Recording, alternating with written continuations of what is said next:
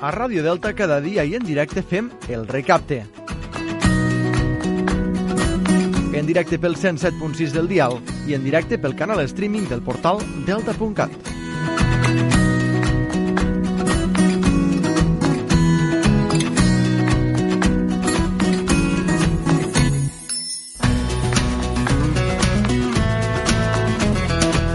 Bon dia, avui és dimarts 11 d'agost i tot i que si aixequem el cap i mirem cap als ports ara mateix a les 10 i poc del matí veureu un cel gris i ennuvolat que podria fer pensar que refresca una mica el nostre poble, la veritat és que fa molta calor. Xafogó, 26 graus ara mateix i una humitat de més del 80%, un d'aquells dies d'estiu, però d'estiu, d'estiu verdader. Avui ens hem aixecat en la notícia que la pandèmia del coronavirus a Catalunya evoluciona de manera favorable i s'estaria controlant, segons informen les autoritats sanitàries, encara que el risc de rebrots va a la baixa. El missatge continua sent el mateix. No es pot abaixar la guàrdia i cal detectar i aïllar els possibles positius com més ràpid millor. Segons la consellera de Salut, Alba Vergés, ara mateix la fotografia de Catalunya és molt bona perquè va baixant la taxa de transmissió i es van frenant els petits brots. Tot i així, encara hi ha constància d'una pressió hospitalària real, sobretot a la regió sanitària de Lleida, on ja està baixant la incidència, i també se segueixen de prop les xifres de Barcelona. Al nostre delta, el risc, la veritat és que segueix sent molt alt, sobretot al Montsià, pels casos detectats els últims dies, sobretot a la ciutat d'Amposta, mentre que al Baix Ebre la situació sembla que està més controlada, molt més controlada. De tota manera, recordeu, no baixeu la guàrdia i preneu les tres mesures de seguretat principals. Mans, mascareta i distància de seguretat. Tothom podem fer-ho millor i segur que si seguim les recomanacions, eh, molt prompte, eh, cada dia estarem més a prop de recuperar la normalitat a la nostra vida. Avui, al nostre programa, al recapte, farem una primera hora eminentment musical i a les 11, a segona hora del programa, ens visitarà Saida Casanova, qui avui ens portarà l'última entrega de la temporada de eh, la seva secció Educar des del cor. Esperem que ens trieu perquè us fem companyia, esperem que passeu una molt bo, un molt bon matí, unes molt bones dues hores aquí al 107.6 de la FM a Ràdio Delta i també al portal informatiu deltacat.cat. Benvingudes, benvinguts, comencem el recapte.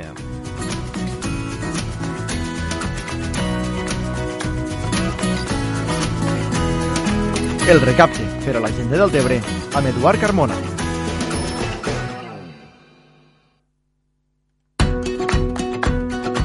I el recap de cada dia ens agrada començar amb bona música, amb música que ens porta, que ens dona energia, amb música que relacionem amb el dia en el qual ens trobem. Avui és 11 d'agost i la cançó que hem triat en realitat no té tant a veure amb el dia del mes en el qual ens trobem, sinó amb este dia d'avui que diferent, és diferent dels altres dies que ens han precedit. Avui ens hem aixecat ennuvolat, però tot i així podria ser, sempre pot ser, un bon dia. Avui, per començar, escoltarem una cançó de Los Planetas, justament la banda de Granada, que tenen una cançó que es titula així, Un buen día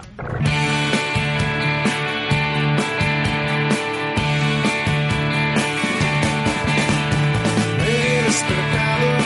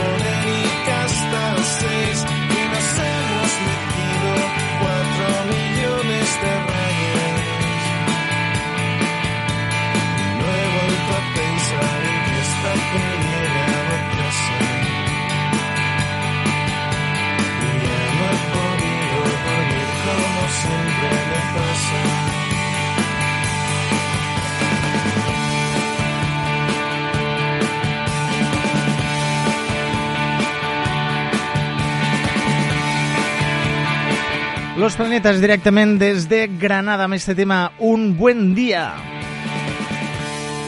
I aquí millor lloc per passar un bon dia que una illa perduda al mig del sol. Així es titula la cançó que escoltarem a continuació. Ens la porta la banda Wizard Island in the Sun. Eh?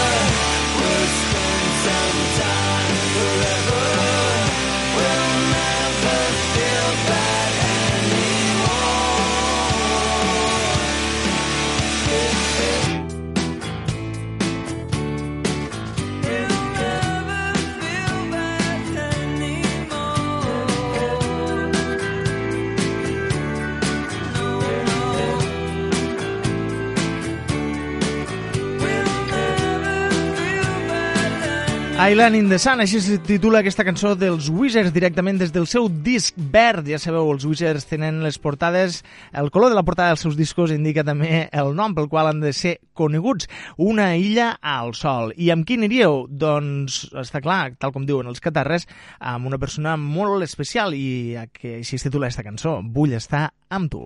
L'olor de cafè dels matins quan em llevo amb tu. Els plats del sopar que ningú té el valor. I penso en tu a cada moment des que el sol treu el cap pel tagamarent i va il·luminant els somriures de la meva gent.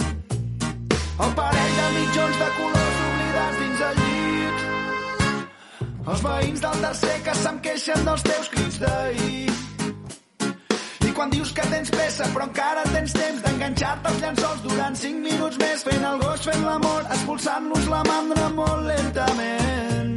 I és que per els teus defectes són tan espectaculars.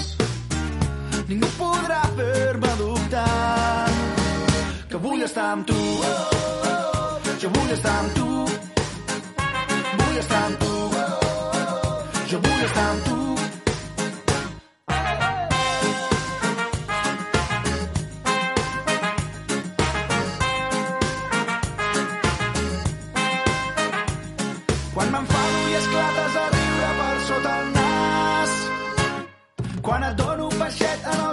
t'agrada guanyar. La vida tranquil·la dels dies d'estiu, les nits a la fresca banyant-nos al riu, petons i cançons a la platja de Tamariu. I és que per mi els teus defectes són tan espectaculars. Ningú podrà fer-me dubtar que vull estar amb tu. Jo vull estar amb tu. Jo vull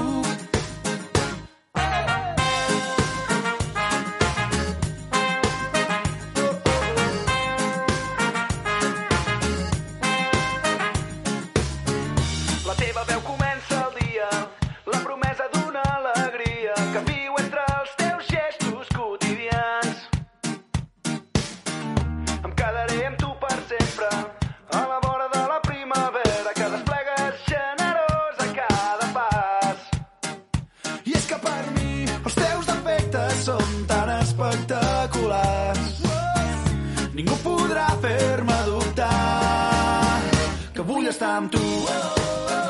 Jo vull estar amb tu. Vull estar amb tu. Jo vull estar amb tu.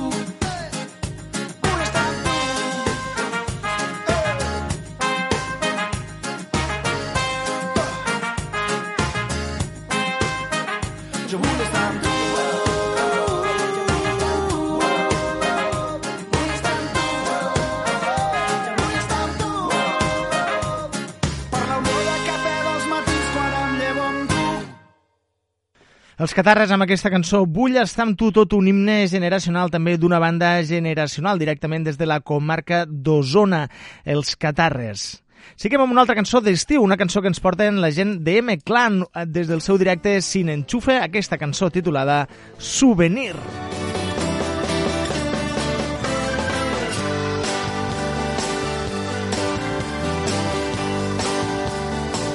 Me gustaría regresar a mi planeta.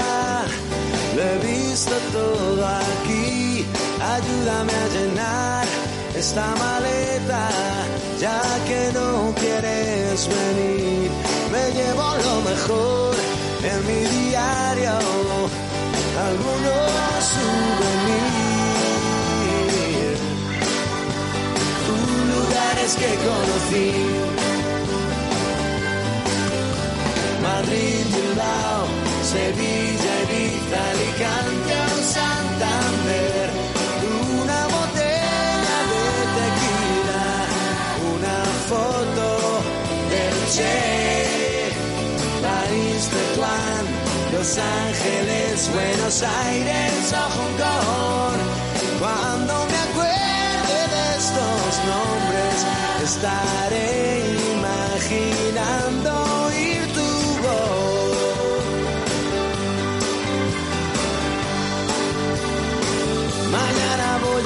A mi planeta y no puedo dormir. También he visto cosas que preferiría no tenerlas que decir.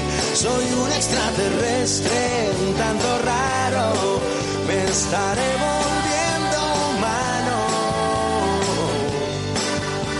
Tú se me ha pegado de ti.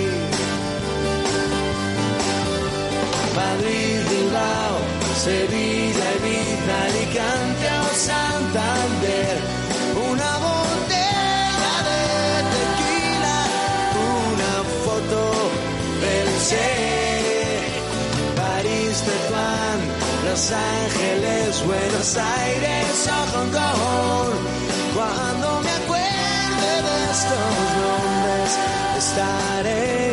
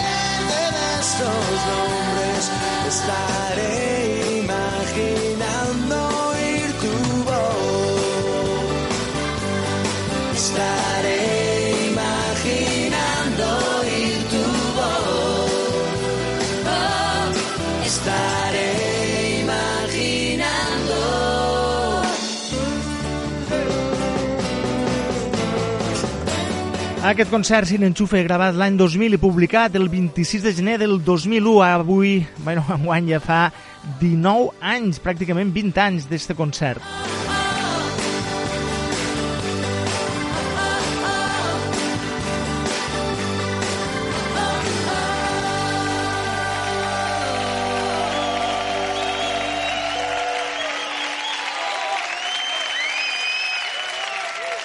I és que, com diu un amic meu, ja fa molt temps de totes les coses, com també fa molt temps, si fa 19 anys d'aquest disc dels M-Clan amb un dels millors discs, probablement, de la història del pop espanyol. També fa els mateixos anys del segon disc dels Estopa, un disc titulat D'Estrangis, que tenia cançons tan bones com esta, Vino Tinto. pistola que descargada se me dispara. Todos los relojes me separan y no me encuentro ya ni en la cama. Suspiros de tus escamas, que son los tiros que dan al alma. Si quieres verme estoy en la rama. Fíjate un objetivo distinto, que soy como un vino tinto, que si me tomas en frío engaño, y con los años me hago más listo. Cariño, tómame calentito a tu ritmo, que soy como un vino añejo. Hace ya tiempo me ando buscando, y no me encuentro ni en el espejo. Porque ya olas en este mar que tú ves en calma. Tú eres el pez que muerde mi cola. Yo soy un pájaro y tú la rama. Estamos a solas. Tar, tar, tar, tar, tartamudeo y no son todas. Yo nunca miento por la mañana. Andate al loro a última hora. Yo no soy malo, aunque me esconda entre la maleza. A veces voy un poco del palo. Tú eres mi puzzle, yo soy un pieza. Pero tu cuerpo es un escándalo. Hay un demonio que siempre me dice pruébalo. Y un angelito que me dice que y reza. A quien le hago caso de los dos. Un objetivo distinto, que soy como un vino tinto, que si me tomas en frío engaño, y con los años me hago más listo. Cariño, tómame calentito a tu ritmo, que soy como un vino añejo. Hace ya tiempo me ando buscando, y no me encuentro ni en el espejo. Recapacita, no vayamos a perder la cabeza, porque esta es nuestra primera cita y yo ya llevo unas 10 cervezas. Sé si me incitas o me incito yo por naturaleza. Niña, lo que se da no se quita y lo que te quitas ahí se queda morena.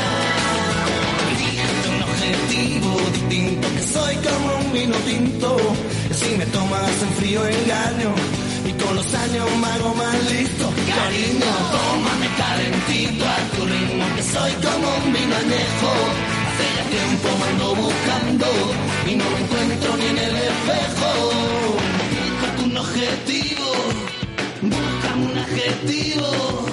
Fíjate un objetivo distinto, que soy como un vino tinto, que si me tomas en frío engaño, y con los años me hago más listo, cariño, tómame calentito a tu ritmo, que soy como un vino añejo, hace ya tiempo me ando buscando, y no me encuentro ni en el espejo, The Strangis, així es titulava aquest segon disc dels Estopa, un disc aparegut l'any 2001 i que va arribar a vendre més de 2 milions de còpies aquella època que es venien els àlbums així d'esta manera.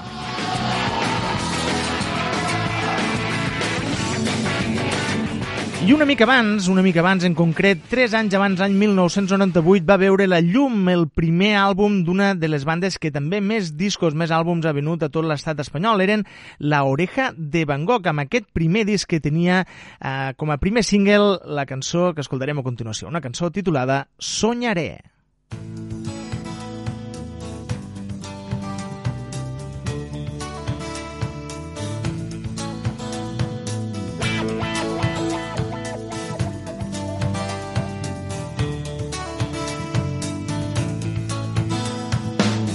soñado siempre con poder volar, desplegar los brazos sin aterrizar, conocer otros lugares y verdades más allá.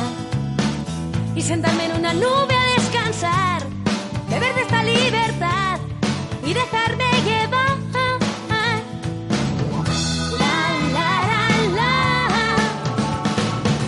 He soñado siempre con poder dormir sobre un lecho de algas y coral, disfrutar de ese silencio que reina siempre allí viajar encima de un delfín, mares sin parar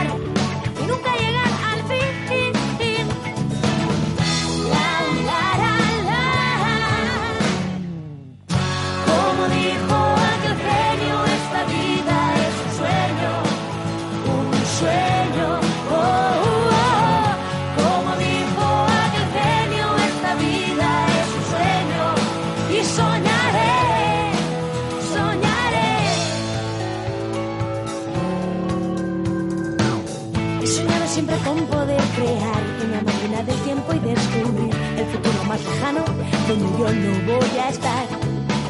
Y volver a ver San Sebastián en el siglo XXVI.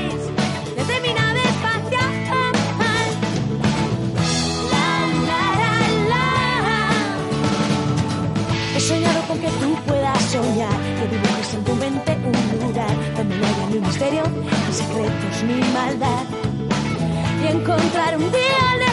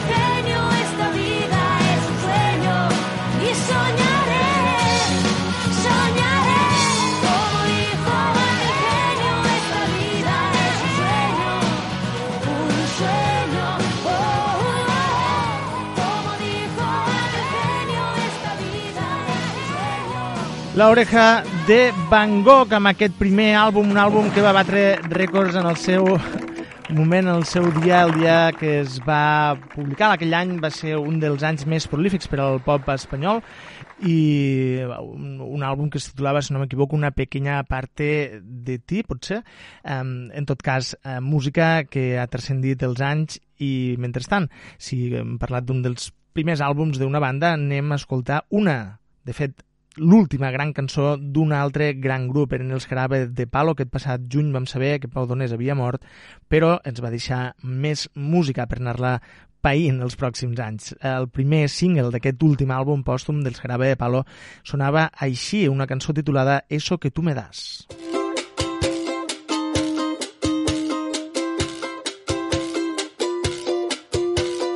Eso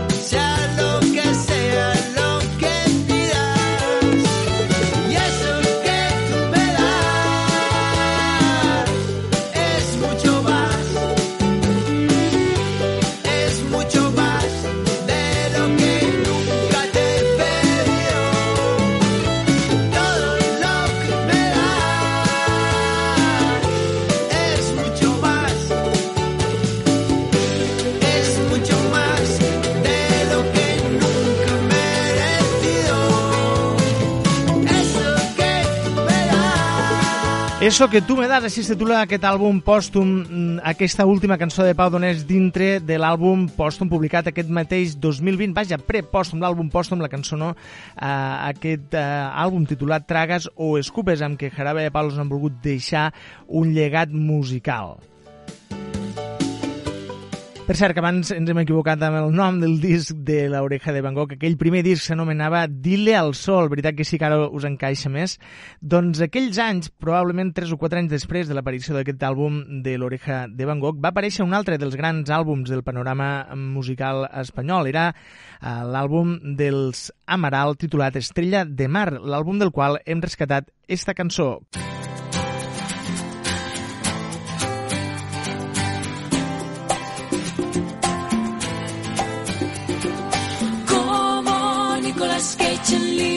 Las Vegas. Veo caer la nieve en la hierba. Un Robinson en una isla desierta. Como Nicolas Cage en Living Las Vegas.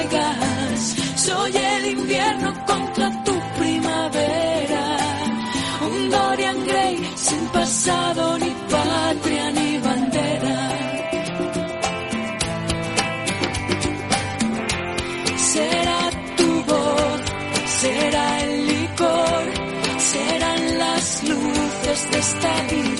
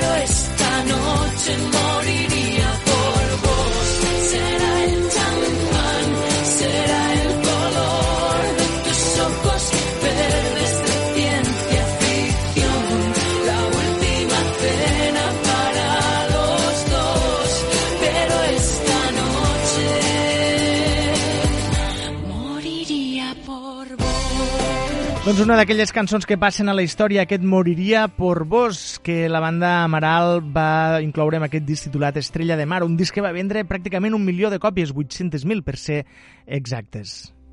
Tant de bo que m'esperis Escorial amb una birra freda. I seguim escoltant bona música ara de la mà de Su, aquesta cançó de l'estiu, de l'estiu de TV3, si més no, una cançó titulada Tant de bo. Cullis aquest matí i prometis que tens tot el dia per mi. Tant de bo que tu fossis com jo i veiessis la vida més dolça i menys podrida.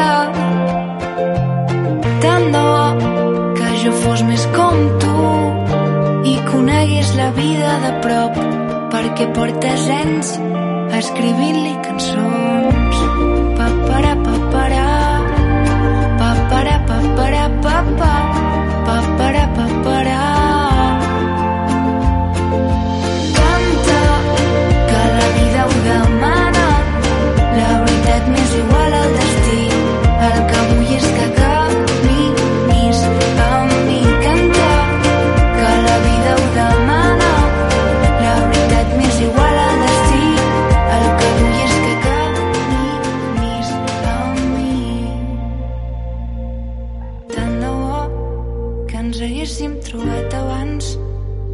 No fos tan complicat que la vida no ens donés tantes voltes.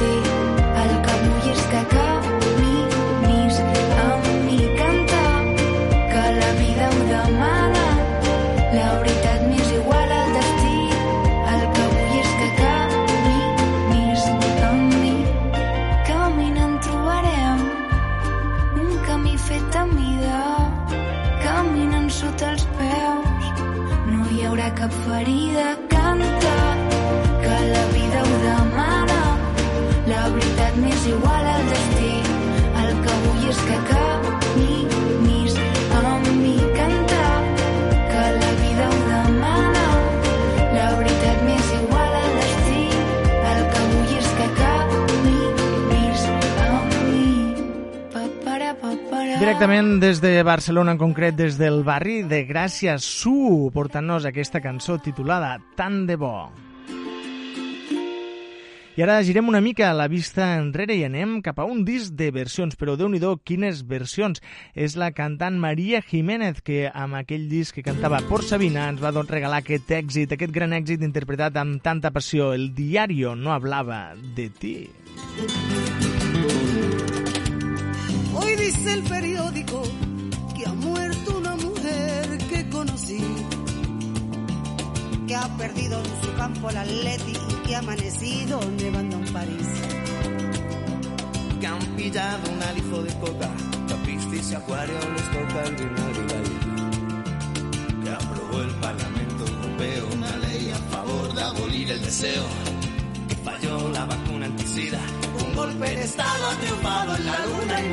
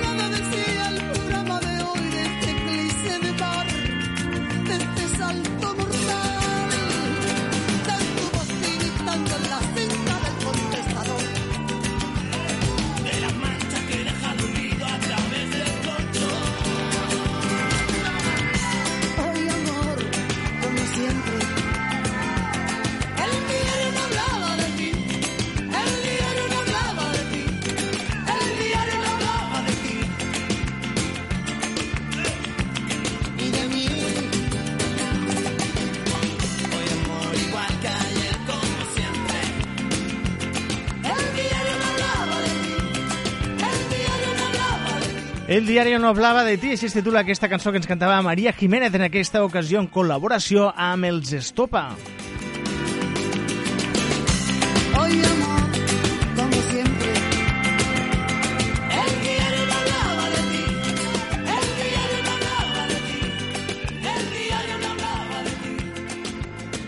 I fem un salt de, des de Madrid i Barcelona, eh, des de fet des de Madrid i des de Cornellà fins a Chicago, Nova York, per escoltar un tema dels Wilco, un tema anomenat I'm Always in Love.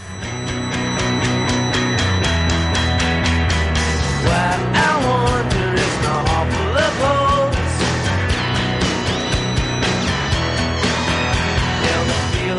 goes, my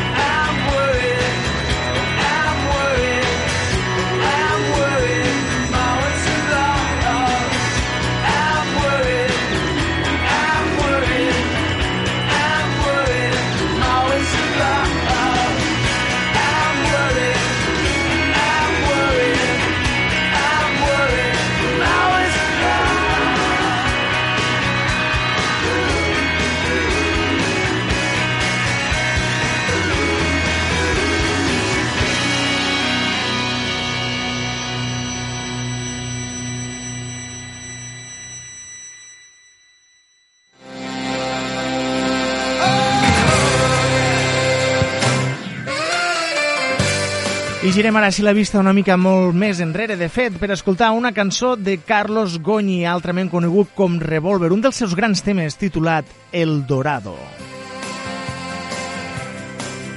He pasado mil años viendo cómo mi madre trabajaba y llegaba a casa siempre tarde, una vez y otra vez, 30 días al mes. Cada noche después de estar ya acostado, la sentía abrir la puerta de mi cuarto, cambio verme crecer por comer a diario, por comer a diario.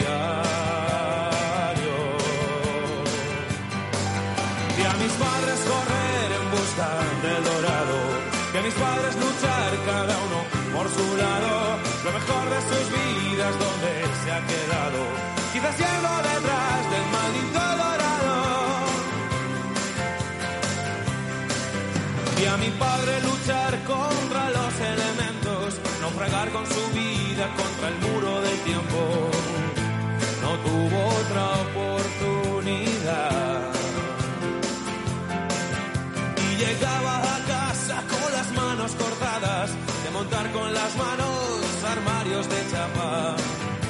No tuvo otra oportunidad. Otra oportunidad. Vi a mis padres correr en busca del dorado. Vi a mis padres luchar cada uno por su lado. Lo mejor de sus vidas donde se ha quedado. Quizás yendo detrás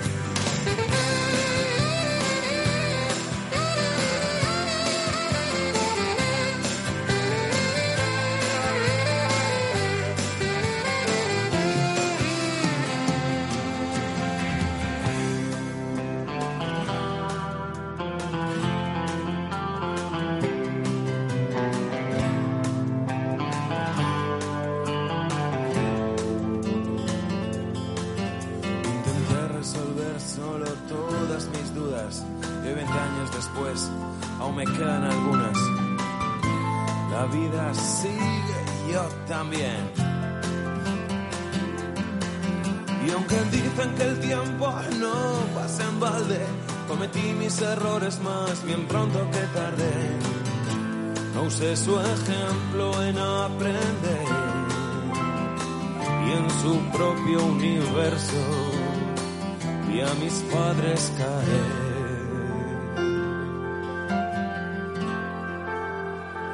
Vi a mis padres caer.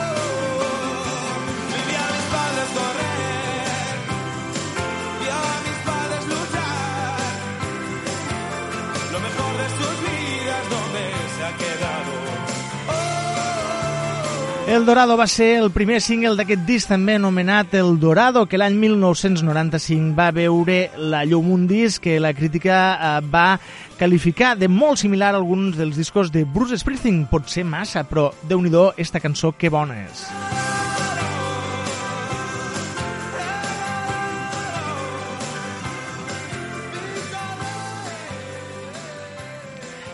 Si abans parlàvem que els inicis de l'any 2000 van ser molt productius i de molta qualitat a nivell musical espanyol, hem de recordar un dels grans discos d'aquells anys, el disc titulat Flamingos, que ens va portar Enrique Bumburi, el qual contenia una cançó que es tractava d'una versió d'un tema d'Adrià Puntí, del grup Un Papa. En concret, la cançó es titulava Sí, i la versió de Bumburi d'aquell disc sonava així de bé. Todo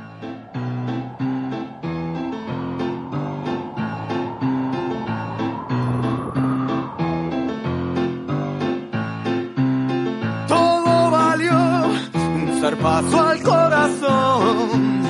Disimulo, no hay delator. Palpitación, encontrar lo que busqué. Trocitos de sospecha, siete siglas de papel. ¿Quién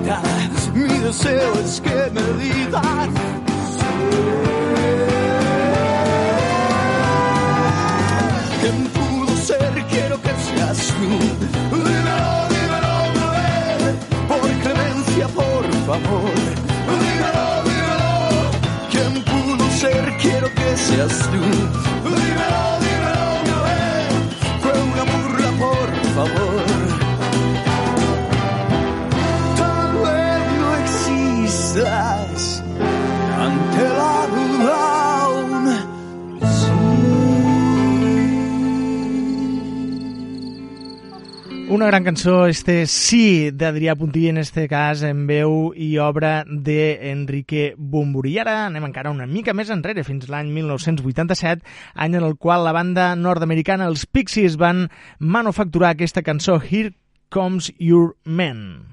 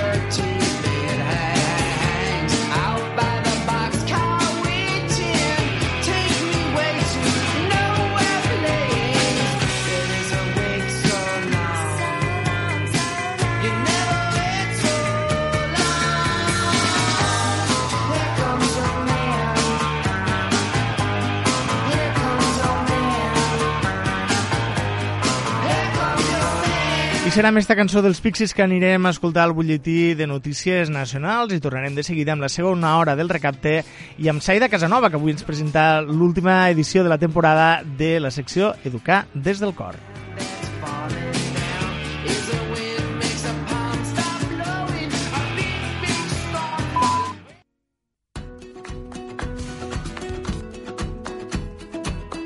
A Ràdio Delta cada dia i en directe fem el recapte.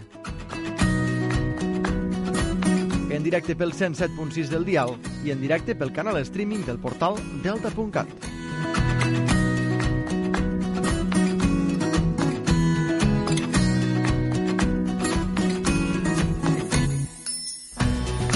Poc més de 4 minutets ens separen del punt de les 11 del matí. Nosaltres reprenem l'emissió del recapte. Si ens heu estat escoltant abans a través de l'streaming, us tornem a saludar. Si abans no ens podíeu sentir per la vostra freqüència eh, modulada convencional, doncs us demanem disculpes, hem tingut algun problema tècnic que ara ja hem pogut solventar i d'esta manera també us saludem. Reprenem, com diem, la segona hora del nostre programa.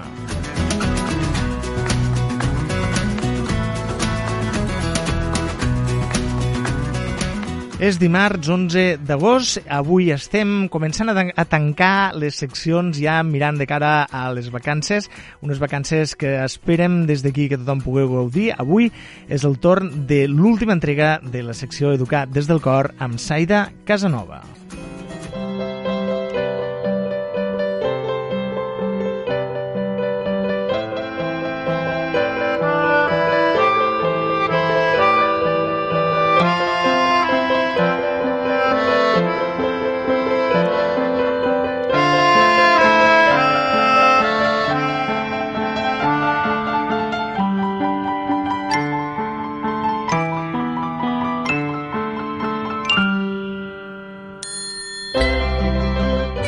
Els infants tenen una naturalesa pròpia i unes necessitats vitals que cal respectar i tenir-ne cura perquè puguen créixer en equilibri i benestar.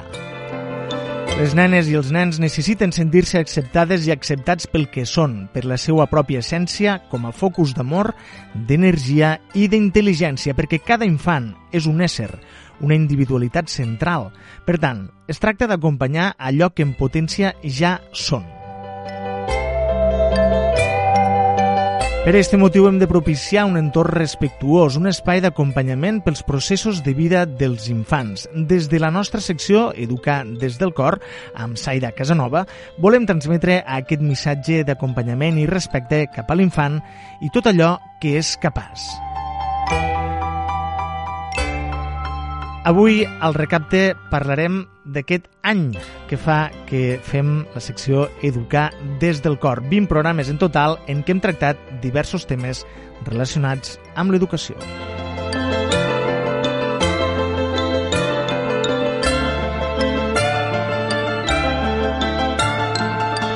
I per fer-ho comptarem, com cada dia, com cada programa, amb la presència de Saida Casanova, educadora i autora del blog Educar des del cor i responsable d'esta secció també, que no ho diem mai. Bon dia, Saida, i benvinguda.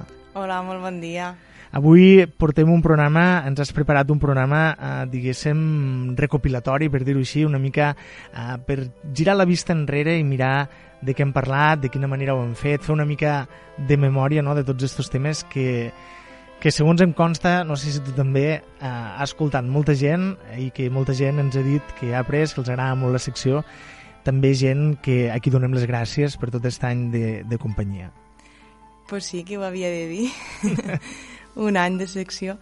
La veritat és que estic molt contenta no? d'això que tu dies, de la rebuda, del feedback que vaig tenint, de, de quan publiquem el programa, que m'arriben missatges i això pues, és molt bonic, no? saber que hi ha algú que t'escolta a l'altra banda i bé, que són petites llaboretes que anem sembrant i espero que a la gent pues, les pugui ser útil i bé, mira, ha sigut un any no, també de, de reflexió, d'autoavaluació, no? també d'investigació i, claro, de divulgació. Hem posat, Saida, molts temes damunt de la taula, temes que segurament eh, molts pares i moltes mares eh, els ha els ha ajudat, diguem-ho així, o els ha ensenyat alguna cosa, o s'han vist reflectits, o han après eh, de quina manera vaja, han après, han agafat algunes de les recomanacions no? per, per aprendre, per enriquir-se i també per, per ajudar al desenvolupament dels seus fills i filles. Hem parlat de moltes coses, Saida. Fem, fem una mica de repàs de què hem parlat, d'estos 20 programes. Mhm. Pues hem parlat de, de l'acompanyament emocional, no? la resolució de conflictes, com podem, quines eines podem usar, de la importància del contacte amb la natura. Este és un tema que va sortint al llarg de tots els programes, Sí. sempre vaig donant alguna pisteta perquè és un, una cosa que, que crec que és molt important. Vam parlar de minimons, Exacte, un, un programa que va tindre molta audiència, també val a dir. sí, vam estar ben acompanyats Mhm. en, en la Marona de Colors, la Cristina. Cristina de, De Sancha. Sancha. Sí. Mm, va ser un programa molt especial, la veritat. Després també vam parlar de com tornàvem a l'escola, no? Era a punt d'arribar a setembre i vam parlar de la tornada a l'escola. Mhm. Hem parlat d'alimentació, alimentació saludable també, no? Del, de, de cara als infants. Hem parlat de les rutines, com establir les rutines. Vam parlar de les altes capacitats, un tema també molt interessant Mhm. i que vam, vaig jo investigar bastant del tema i, i la veritat és que és un tema que s'ha de remirar i hem de tindre molt present. També vam parlar d'enganxats a les pantalles, Un tema que preocupa i molt, també. i tot just el moment que estem vivint, no? Que era com, bueno, tot el que havíem dit que més o menys no havíem de fer, arriba el confinament i... Mm, I bum! sí. I bum per moltes coses, perquè al final acaba de sent una manera de tindre a l'infant eh, entretingut, entre cometes, no? i poder els adults potser fer més coses, no? potser treballar. Sí, la veritat, aquesta és una de les parts que jo penso que la gent l'usa més per això, no? Mm. Però a més a més que, clar, per exemple, el tercer trimestre, l'acabament del curs, també. va ser via online. Llavors havien de tindre este contacte ja per a, per a fer el que és la- l'aprenentatge. I després, pues, l'oci, com que tampoc no es podia sortir fora al carrer, pues, jo pe- penso que passava una mica també per la pantalla. Mm.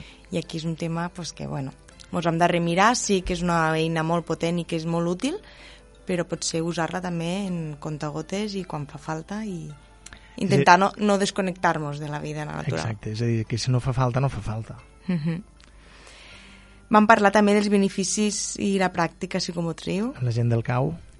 Eh, este dia no, no, Ah, este no? dia no vam Ah, vindre. pensava que sí. No, est, mira, este dia vam tindre la col·laboració de- d'una companya de, de l'escola, Ah, Anna. sí, és veritat que vam fer um, o couturier. A Couturier, molt bé, vam parlar. Sí, sí, sí. La veritat que sí. I sí que la gent del CAU vam vindre el dia que vam parlar de límits, Sí, en sí, Anna sí, sí. Casanova també. I bé, mm, la bellesa i el sentit estètic, no? que és una cosa que també és important, com un- presentem el material, no? si hi ha aglomeració, si és una cosa Mhm. senzilla... Este va ser un programa molt interessant, bueno, com tots, no? però este, a més a més, és especial perquè és una temàtica que moltes vegades no parem suficientment en compte, no? I, i ostres, afecta.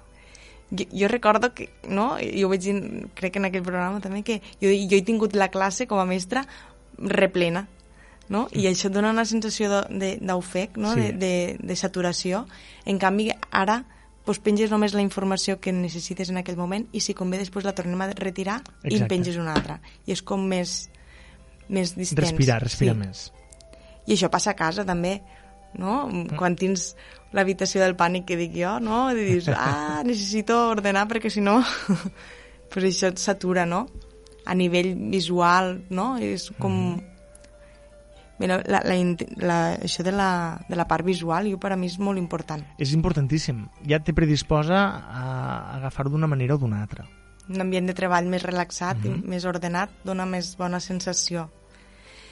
Bé, també vam parlar de contes i ho vam fer per partida doble. Vam fer dos programes especials de contes i amb una convidada també, la Laia Orà, Uh -huh. que és, bueno, ja sabeu que és molt experta en contes, bibliotecària, i, i bé, van, van ser dos, dos programes també molt bonics. Sí, a més a més els contes tenen molta importància a educar des del cor perquè si no en forma de conte, en forma de frase reflexiva, sí que cada programa s'ha d'intentes, a, a més a més de la recomanació, eh, vull dir, literària, um, llegir-nos un fragment, o bé d'un conte, o bé una petita història, o bé una frase que ens faci pensar. Sí, jo penso que són això, els contes te donen una, una obertura a un altre mm. món i també te fan identificar-te en allò que, que estàs escoltant i et donen pues, també eines no? per a, si hi ha un Mhm. problema i et sents identificat, com poder-lo solucionar, com ho fa el personatge. Mm. Penso que els contes ens poden ajudar molt a, a guiar aquesta part emocional tan interessant. Així és. També vam parlar de la formació permanent i turisme pedagògic de les escoles.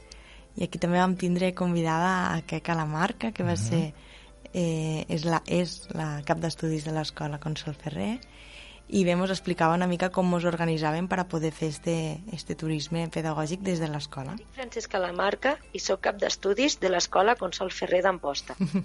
La nostra escola Aquell que ens va explicar... Digues, digues, Seda. Molt bé, m'ha agradat molt el tallet. Després també vam, vam parlar de com vivíem les festes a l'escola. Quin, quins caires li podíem donar per a que siguin festes especials sense que sigui una superparty, no? I, I bé, a vegades les coses molt senzilles i molt properes i deixar participar l'alumnat en l'organització, doncs aquestes coses que, que ajuden tant a l'infant a sentir-ho propi. També vam, vam parlar, això que diem, el que us he comentat abans, els límits. Vam parlar de límits Mm. en Bea González i Anna Casanova i va ser també un programa molt interessant Un programa molt interessant. i que n'hi ha molt a, molt a aprendre sobre els límits i, i a vegades no, este, este sentit de que la gent pensa que pues, escola viva i respectuosa és, és... Depèn com tu lo prepares i depèn com, com tu vols educar en aquell infant. I, per exemple, no sé... Vaja, això és un tall d'este programa. Havia pensat, els tinc tots aquí, però no, no, no sé si és convenient posar ara talls de tots els programes, però va ser un programa molt interessant este dels límits. llibertat de pujar ells sols a la seva cadira, no? Ho intenten perquè està més alt i... Però a casa meva no es puja dalt de la taula. Hi ha una necessitat, no? Sí. Pues llavors se li dones un altre espai on en aquest espai està preparat perquè puguis pujar. Pues aquí està un... la importància dels límits, no? Que cadascú té un límit i que s'han de posar en respecte però que són necessaris no? perquè el xiquet se senti que, que, que d'aquí no pot passar. I segurament moltes vegades se, se passen el límit, però saben on han de tornar després. I això és important. Això és molt important, també. Sobretot, no? També estic, me, me dona la sens... Penso que en l'adolescència, l'adolescència quan, quan els pares te diuen a les 3 i tu arribes a les 3 i mitja, no? Però saps que lo, lo punt és a les 3, no arribaràs a les 6 perquè si no ja t'has passat pels Mm. pobles. I això a vegades pues, t'ajuda no, a centrar i dir, bueno, més o menys la cosa està aquí. I això passa en els infants també, Experimentar una mica no, en, en lo límit. en el límit, sí. I bé, també vam parlar dels patis, de Mhm. com són els patis, com haurien de ser o com, podi, o com els imaginem que ens agradaria que fossin. I també vam tindre dos col·laboracions importants, eh, Imma Colomines, de la directora de l'Escola de l'Assumpció de- d'aquí del poble, Mhm. i també a Guillem Gui- Riba. Guillem Riba. I ens van explicar les seves experiències, no?, de com han transformat els seus patis. I, bé, és un tema interessant també per a si esteu en una escola o inclús a casa, no? si teniu un jardí, com podem transformar esta, esta zona per a que sigui una zona viva. per construir el nostre pati. El pati hem canviat la mirada, hem ampliat els espais de joc, hem descobert racons que no hi veiem. Vam tindre unes grans col·laboracions. Hem tingut, de fet, de molts programes, unes grans col·laboracions que ens han aportat un punt de vista eh, diferent, més professional, potser a vegades ens han ampliat la mirada, no? Eh, especialitzat en els temes que hem tractat i aquí abans de continuar t'he de donar les gràcies Aida per aquesta tasca que has fet no? durant tots aquests programes aquest any de, de feina que ens has preparat uns programes per dir-ho una paraula menuda i, i que ho explica tot, brutals. La veritat és que m'ho he passat molt bé, no? I, i he dedicat bastant de temps perquè penso que pues bueno, jo sé que això que fem aquí és una cosa menuda, però que a vegades les coses menudes poden canviar moltes coses i, i, jo m'ho he emprès com un gran projecte, això de la ràdio. la veritat que vaig començar com aquell que no volia la cosa i ara pues, estic molt motivada i penso que és una manera de poder divulgar esta, esta manera de fer i que penso que a la gent no es pot ser útil que a vegades no fas les coses perquè no les coneixes Mhm. o perquè no te les has plantejat i de repent quan algú te ho, te ho mostra pues, dius, bueno, per això ho puc fer jo no? I, i vaig a canviar la mirada i, i aquí, bueno, aquí des de la humilitat i des de bueno, que no, no sóc experta en res del que estem parlant però jo intento poder transmetre pues, este sentiment no? que això sí que ho tinc este sentiment de, de, de ganes de fer i de, de transmetre I es nota, i a més a més ho fas, ho fas molt bé, et dic, um, tenim moltes reaccions de gent que, que ens escolta dient, donant-nos les gràcies no? per, per este programa. Si això, si això passa és per alguna cosa. bueno, molt agraïda des d'aquí gràcies a tots També hem tingut col·laboracions telefòniques, Saida. Sí, són aquestes que hem anat tenint, no? que us hem anat explicant. Algunes sí que han vingut aquí a, a la ràdio i altres han sigut col·laboracions telefòniques que, és, que ens han fet la seva aportació com, com per exemple la Queca Mhm. i el Guillem, que mos, no han vingut aquí a la ràdio, però sí que han fet aquestes participacions. Moltes vegades durant aquest any hem parlat d'acompanyament respectuós, d'acompanyar els infants... Saida? Sí, sí, sí, és, és important que, que, que a, a, perdoneu, és important no, que l'adult tingui presència, que, que pugui oferir este respecte cap a l'infant, no? I tant el mestre, l'educador o l'adult pues, que acompanya pues, pugui fer, no en grans classes magistrals, sinó promoure aquest ambient de, i proporcionar un, un aprenentatge, no? un ambient tranquil i relaxat. Hem d'intentar buscar pues, l'e- l'equilibri de no dirigir massa i, i que siguin pues, classes en, en presència, no? que estiguessin presents en tot allò que fem amb els infants. Al final, ells el que volen és la presència, que els acompanyes, i és quan ells poden despertar del seu...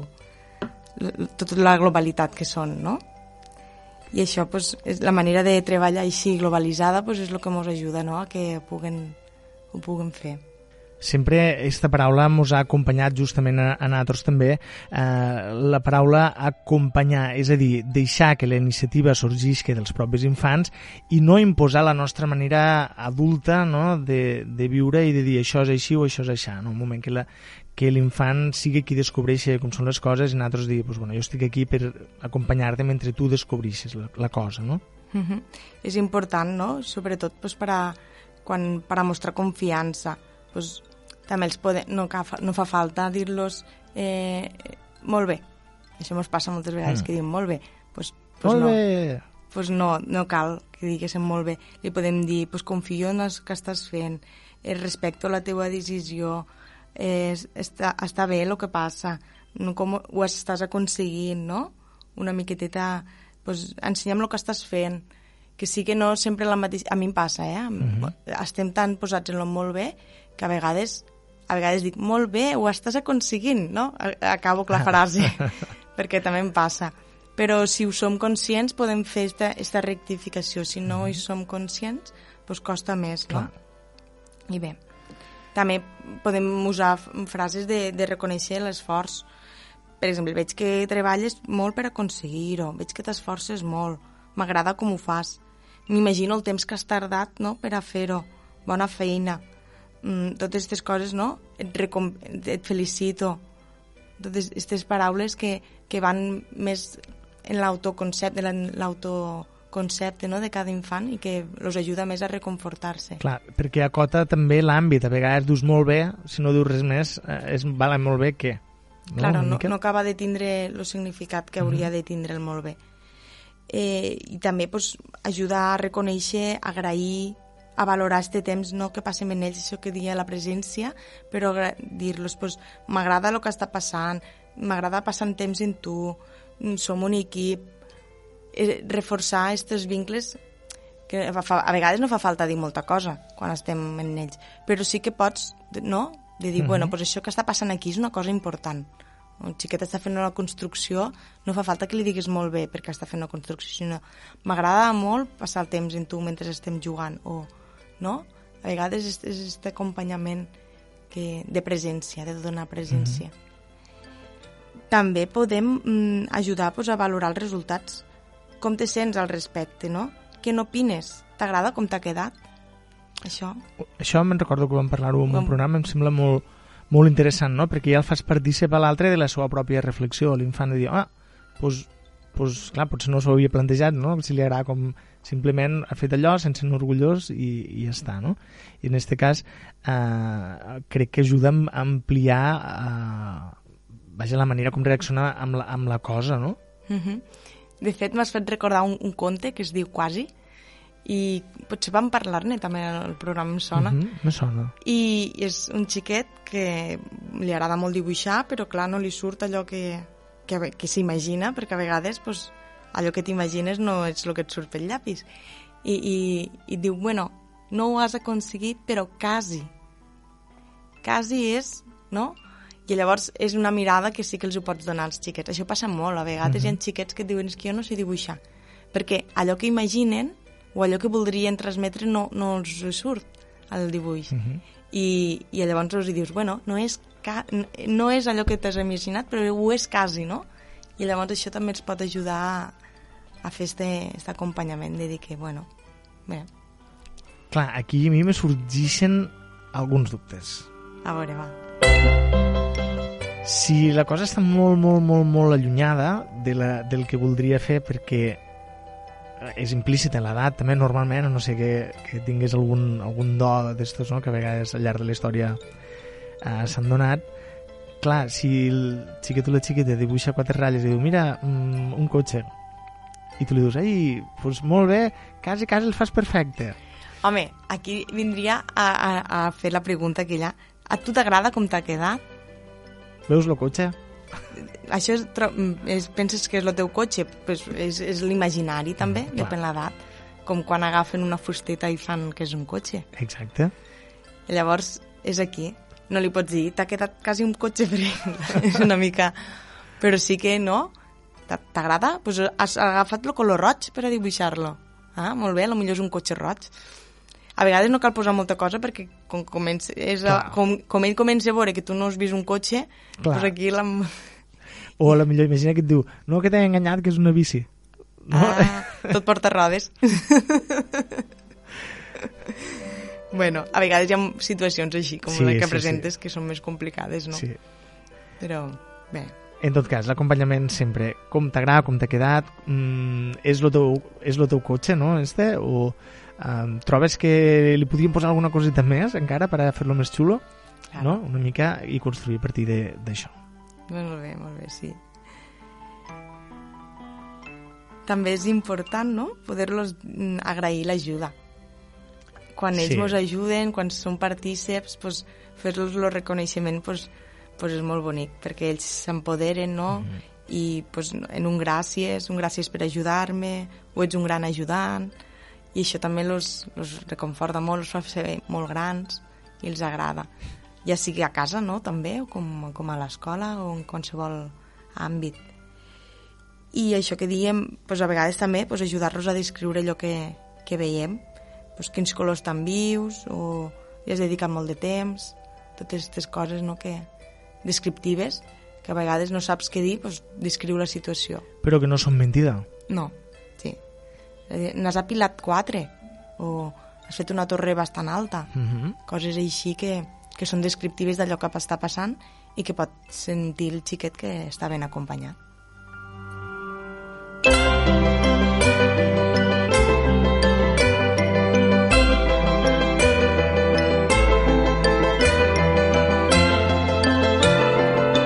Saida, una de les coses que hem anat repetint a cada educar des del cor és la recomanació literària. Les persones que ens han anat escoltant al llarg d'estos 20 programes tenen com a mínim 20 llibres ja a casa de recomanacions literàries que has fet. I avui, eh, en aquest últim programa, no podíem ser menys i també ens recomanaràs un llibre.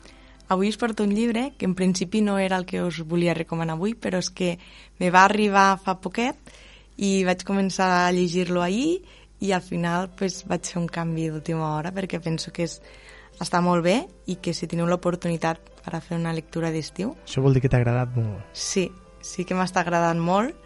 I és el, el nen ben equilibrat de la Sally Goodward Bilte i és de ING Edicions. I bueno, pues, parla del desenvolupament neurològic per a fer un bon aprenentatge i és una guia pràctica per a, per a pares i educadors. I està molt bé perquè també té una part molt, molt pràctica i et dona moltes eines i activitats per a poder fer, per a poder desenvolupar tot este, este equilibri que dona que va molt lligat no? en, en tot el que és l'aprenentatge. I, bueno, m'està agradant molt perquè és, té la, part, la primera part bastant més tècnica i després te va fent com a, com a activitats, no?, per a poder fer en moviment uh -huh. i la importància del moviment per a després el que és l'aprenentatge.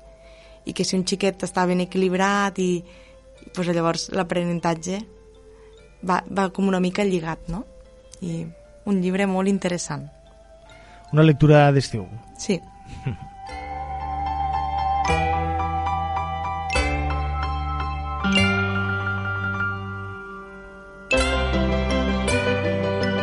També cada programa, Saida, mos has proposat una activitat per a fer. Hem fet activitats d'hivern dins de casa, hem fet activitats de confinament dins de casa, però sobretot hem fet activitats fora, a l'exterior. Sigui lluny de casa, com el propi jardí, terrasseta, balconet, no? Avui també ens proposaràs una activitat? Avui em porto unes quantes per a que triéssiu i remeneu. L'estiu ja sabeu que és, és moment de, de poder gaudir d'activitats a l'aire lliure i com que sabeu que és el que més m'agrada a mi, pues, avui quasi tot... Bueno, penso que alguna part podem fer dins de casa, però la majoria són d'exterior, no? I us proposo que juguéssiu amb els vostres fills i filles i que els dediquéssiu este temps de qualitat, no? fent activitats diferents i que estigueu presents. I organitzéssiu sortides i excursions a la muntanya, a la platja, al riu, on vulguéssiu. On més us agrada, on més prop tingueu o on més eh, ganes tinguéssiu d'anar. Però que les féssiu i que els féssiu especials que les féssiu especials, com podem fer una sortida especial? Pues a la platja, a, podem anar a la nit a mirar els estels. I tot just, tot just, entre avui i demà, Sí? sí, hi ha una pluja d'estels molt important. Les llàgrimes de Sant Llorenç. Així és. I, i, eh, i no sé les que podrem veure, però l'any passat hi havia lluna i va ser mo molt difícil de veure-les. Vam estar allí un munt d'hores i no vam veure res. Però penso que enguany, com que no hi ha lluna, jo penso que, bueno, nosaltres tenim l'excursió preparada, eh? Espero, espero que el cel se- s'aclarisca una mica perquè avui mos hem aixecat de la cel ennuvolat. Si tot va bé, pinta que sí, que s'aclarirà i per tant tindrem una nit d'aquelles, una nit serrada, eh, d'aquelles que A diem aquí baix, que es podran veure aquestes llàgrimes de Sant Llorenç, que avui, demà, ahir també se'n podia veure alguna, eh, tenen, tenen lloc estos dies al voltant del 8 d'agost. I, I, bueno, jo tinc moltes ganes, eh, d'esta pluja. La veritat és que a mi m'agrada sempre organitzar sortides i excursions i, i, i este estiu, com està sent una mica típic, pues sí que fem moltes sortides a la platja, per el tardet nit, i, i el mosquit no és cap problema, és un momentet. És un momentet. I si no, sempre pots portar au tant. Claro. Si no, quin negoci hi hauria? Mm. I bé, no sé, mm, en este sopars a la platja pues, podem fer alguna activitat per als infants. Sí que poden jugar allí i punt, però si portem alguna cosa o va, anem a buscar una pedra i li, la pintarem i posarem el nom. O, per exemple, l'altre dia vam fer vam buscar les boles de Posidònia i vam fer un, un mòbil en una branqueta i un... Oh, pues a vegades t'emportes un fil i unes tisores a la platja i fas vergueries, no? En el que trobes i, i no, que això que, que penséssiu, no? Aqu- Aquelles activitats que podem fer també en els xiquets que ja sigui una activitat programada. A ells també els agrada fer activitats d'aquestes programades. Bé, Que no sigui només anar allí i ja està, no? sinó Sí. convertir-ho en, una, en una experiència vivencial no? I, i diferent no? del que puguem fer cada dia, perquè a la platja pots anar cada dia, però no cada dia fas un, una excursió especial. clar, jo, a la nit, pues, en els frontals, no? Allí a la vora de la mar, La setmana passada vam veure sortir la, la lluna de l'aigua Oh. i, i va ser fantàstic. I, A part una- va sortir la lluna de color roig, una lluna d'aquestes vermelles, i, i va ser com a molt màgic per als xiquets. Tot- Tots assentats allí davant, a la vora de la mar, esperant. És, són moments d'estos que, que després recorden.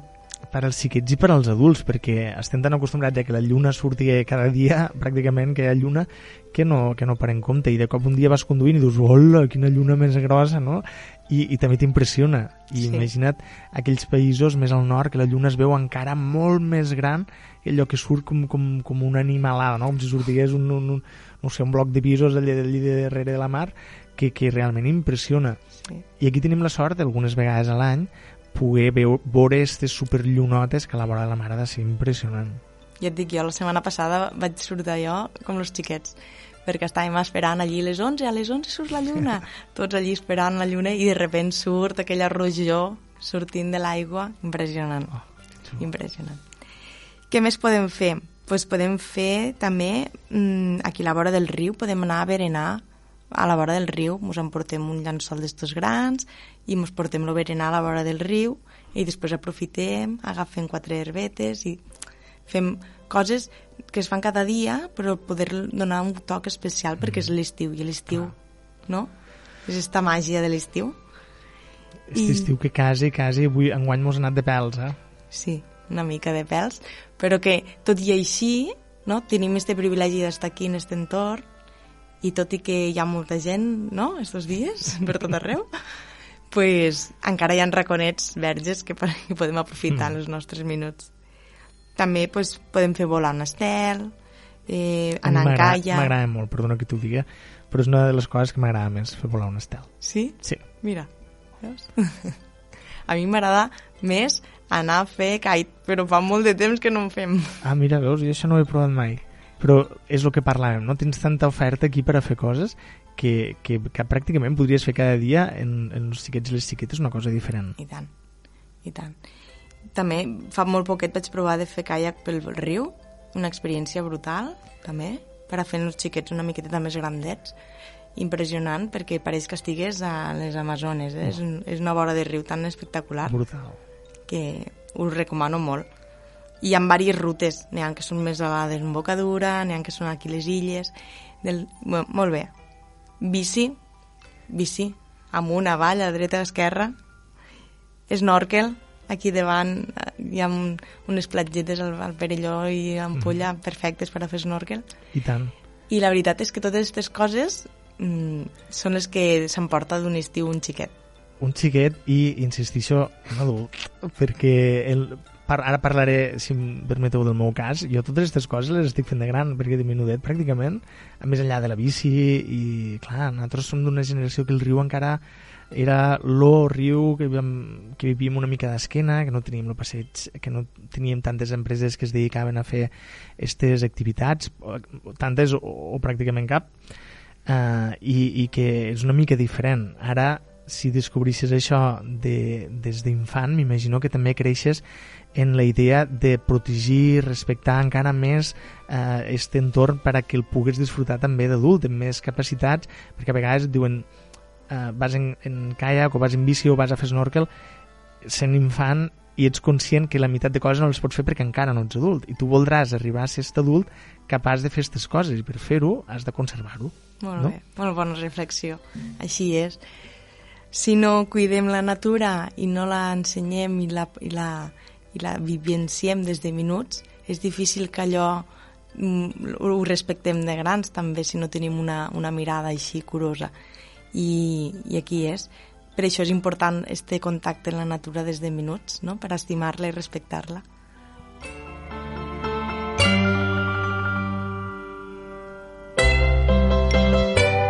Saida, anem enfilant eh, al final del programa d'avui. Eh, avui, per acabar, eh, mos faràs una petita reflexió també, o un conte, o un poema, una endivinalla... Avui us porto una frase, Yep.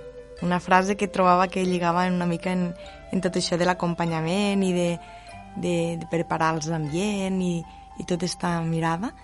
I és una frase de Joan Turú i diu així. Educar és facilitar les condicions perquè els nens i nenes puguin ser qui ja són.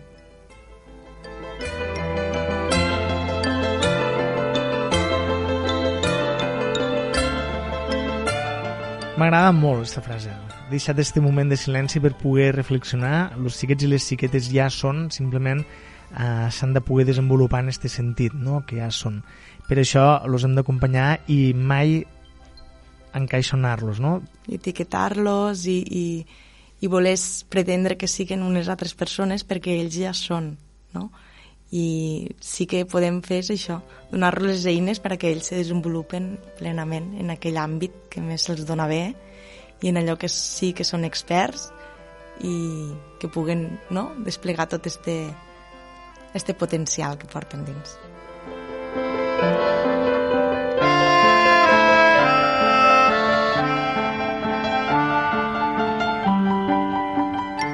Educar és facilitar les condicions perquè els nens i les nenes puguen ser qui ja són. Jo crec que com a resum de la temporada mos funciona molt bé. Saida. Sí, sí, ha sigut una temporada intensa i, i bueno, espero que la temporada que ve, si n'hi ha, espero que sí, poguéssim compartir altres, altres temes i, i disfrutar-los.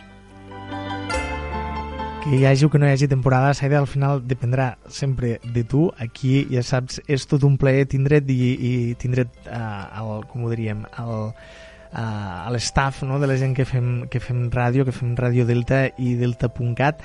És un plaer, hem après moltes coses, cada dia ha sigut diferent, eh, tant pel que fa a la imatge, perquè cada dia ens has muntat eh, un, una taula plena de coses, de llibres, d'activitats.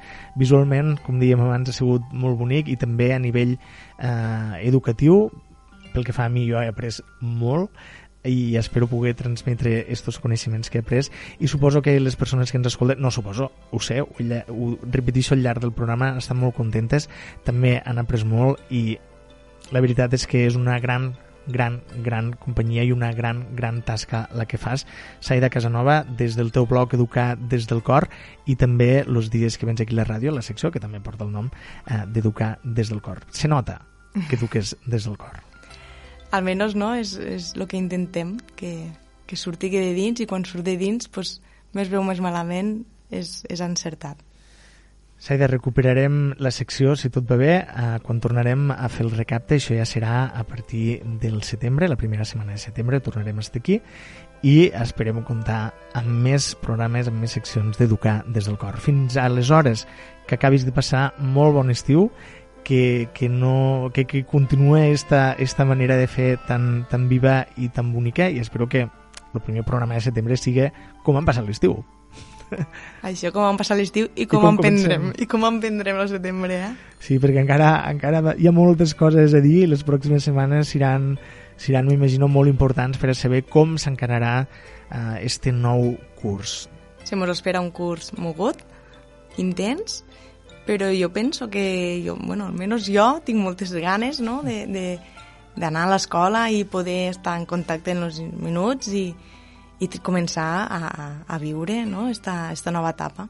A veurem si mos dona tregua el virus. Esperem que sí, esperem que sí. De tot això ne parlarem les properes setmanes, segurament, i serà un dels temes importants per parlar-ne al setembre. Potser la primera setmana no, però més endavant, a veure com comença el curs, ja en parlarem.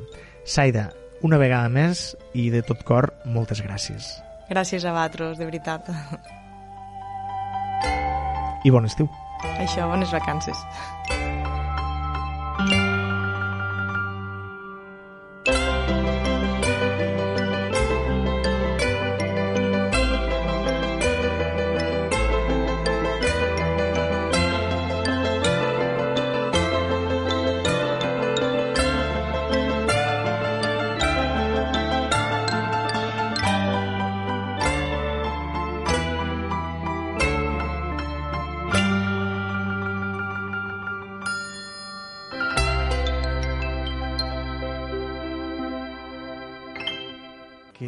Kissed you goodbye at the airport, held you so close to me, I said, so here we are now, and I can't stop from crying, Lily. And you said, hey, hey, ho, you know Nosaltres continuem el recapte ara mateix. Falten 17 minuts per arribar al punt de les 12 del migdia. Seguim amb un dels grans èxits de l'estiu, aquesta cançó de Billy Division and the Dancers, un tema anomenat Summer Cat, aquest amor d'estiu, un estiu que tot just ara es troba al seu punt àlgid. The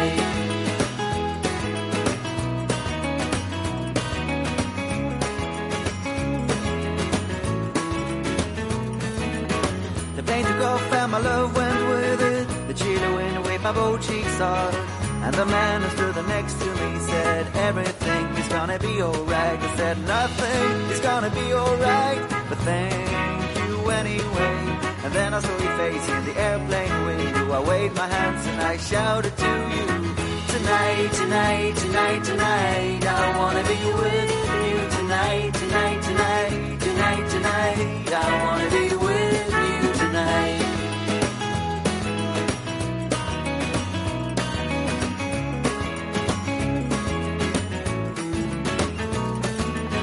I wore a t-shirt and my worn out abandoned as a summer cat. And as I stood there as a broken hearted, I realized you got the car keys still. So I broke into my own old car. I fell asleep on the passenger seat. I dreamed of summer sex with you, and you whispered in my ear. Tonight, tonight, tonight, tonight, I wanna be with you tonight, tonight, tonight, tonight, tonight. I wanna be with you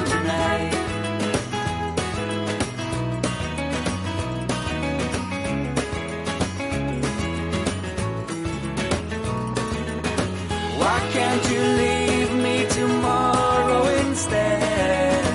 Why can't you leave me tomorrow instead? And above the clouds he said to himself, I can't believe how naive a man can be. That's why I love you so. And that's why I can't be with you. Tonight, tonight, tonight, tonight. I wanna be with you tonight, tonight, tonight, tonight, tonight. I wanna be with you.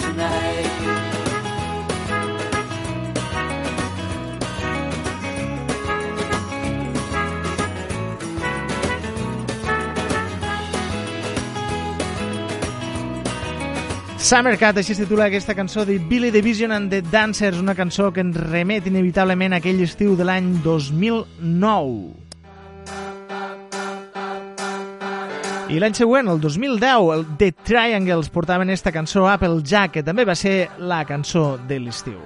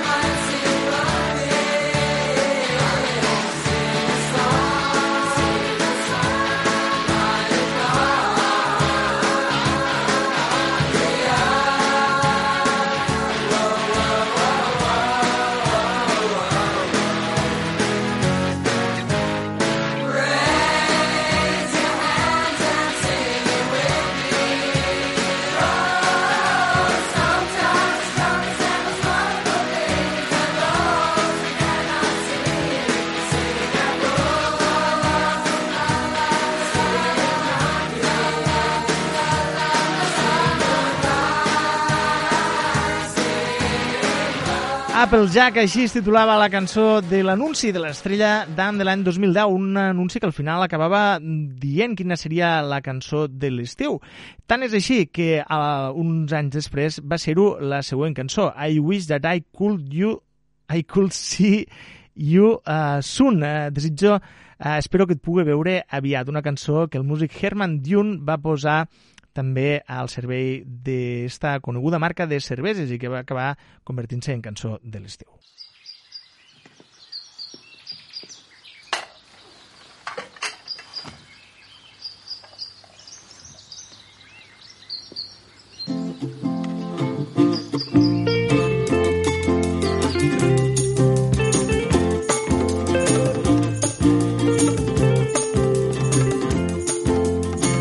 Had to leave you and go away, but I think about you every day. In the morning and in the afternoon. I wish that I could see you soon. And when I held you, I felt so fine. It was like there was nothing left on my mind. It was like Rockaway Beach in the month of June. I wish that I could see you soon. I had no plans to meet you, baby. I had a million things to do, baby. But you hit my heart with a harpoon. I wish that I could see you soon. The angels go. How long till you can see her? And I'm like, the sooner the better. Do you really think she will wait for you? Well, I have nowhere to say, and there's nothing I can do. Well, I have nowhere to say, and there's nothing I can do. Go.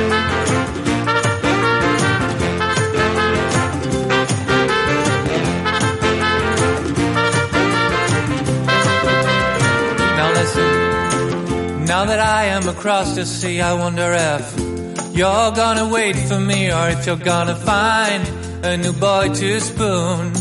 I wish that I could see you soon, and if you wait a little, my pretty friend, until I come back to hold your hand, we'll be like birds when they break through a cocoon. You know, I wish that I could see you soon. It's been a while since I felt like this, and now I found someone I really miss. Under the sun, under the moon, I wish that I could see you soon, angels.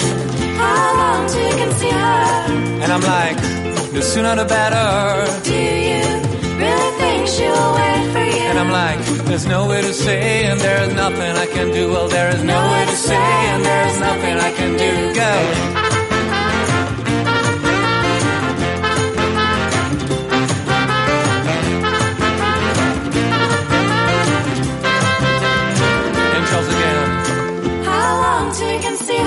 I'm like, well, the sooner the better. Do you really think she will wait for you? And I'm like, there's no way to say, and there's nothing I can do. Well, there is no way to say, and there's nothing I can do. Well, there is no way to say, and there's nothing I can do. No way to say, and there is nothing I can do. Era el músic Herman Dune amb esta cançó titulada I Wish That I Could See You Soon. Ojalà et pugui veure aviat una cançó que va servir també eh, per musicar l'anunci d'aquesta coneguda marca de cerveses de l'Estrella d'Am, el que acabava sent, diguéssim, la cançó de l'estiu. Nosaltres seguim escoltant música aquí al recap d'ara ens n'anem cap a l'any 1987, any en el qual la formació anglesa Blondie van tornar a la carrera musical revolucionant-ho tot amb un tema que segur coneixeu i que es titula Maria.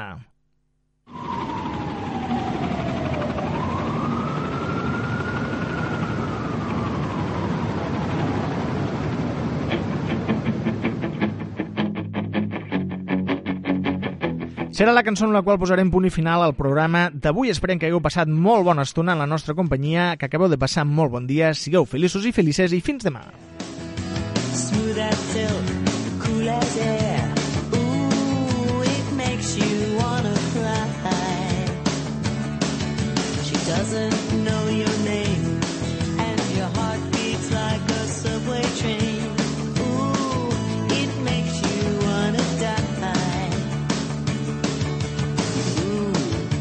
You wanna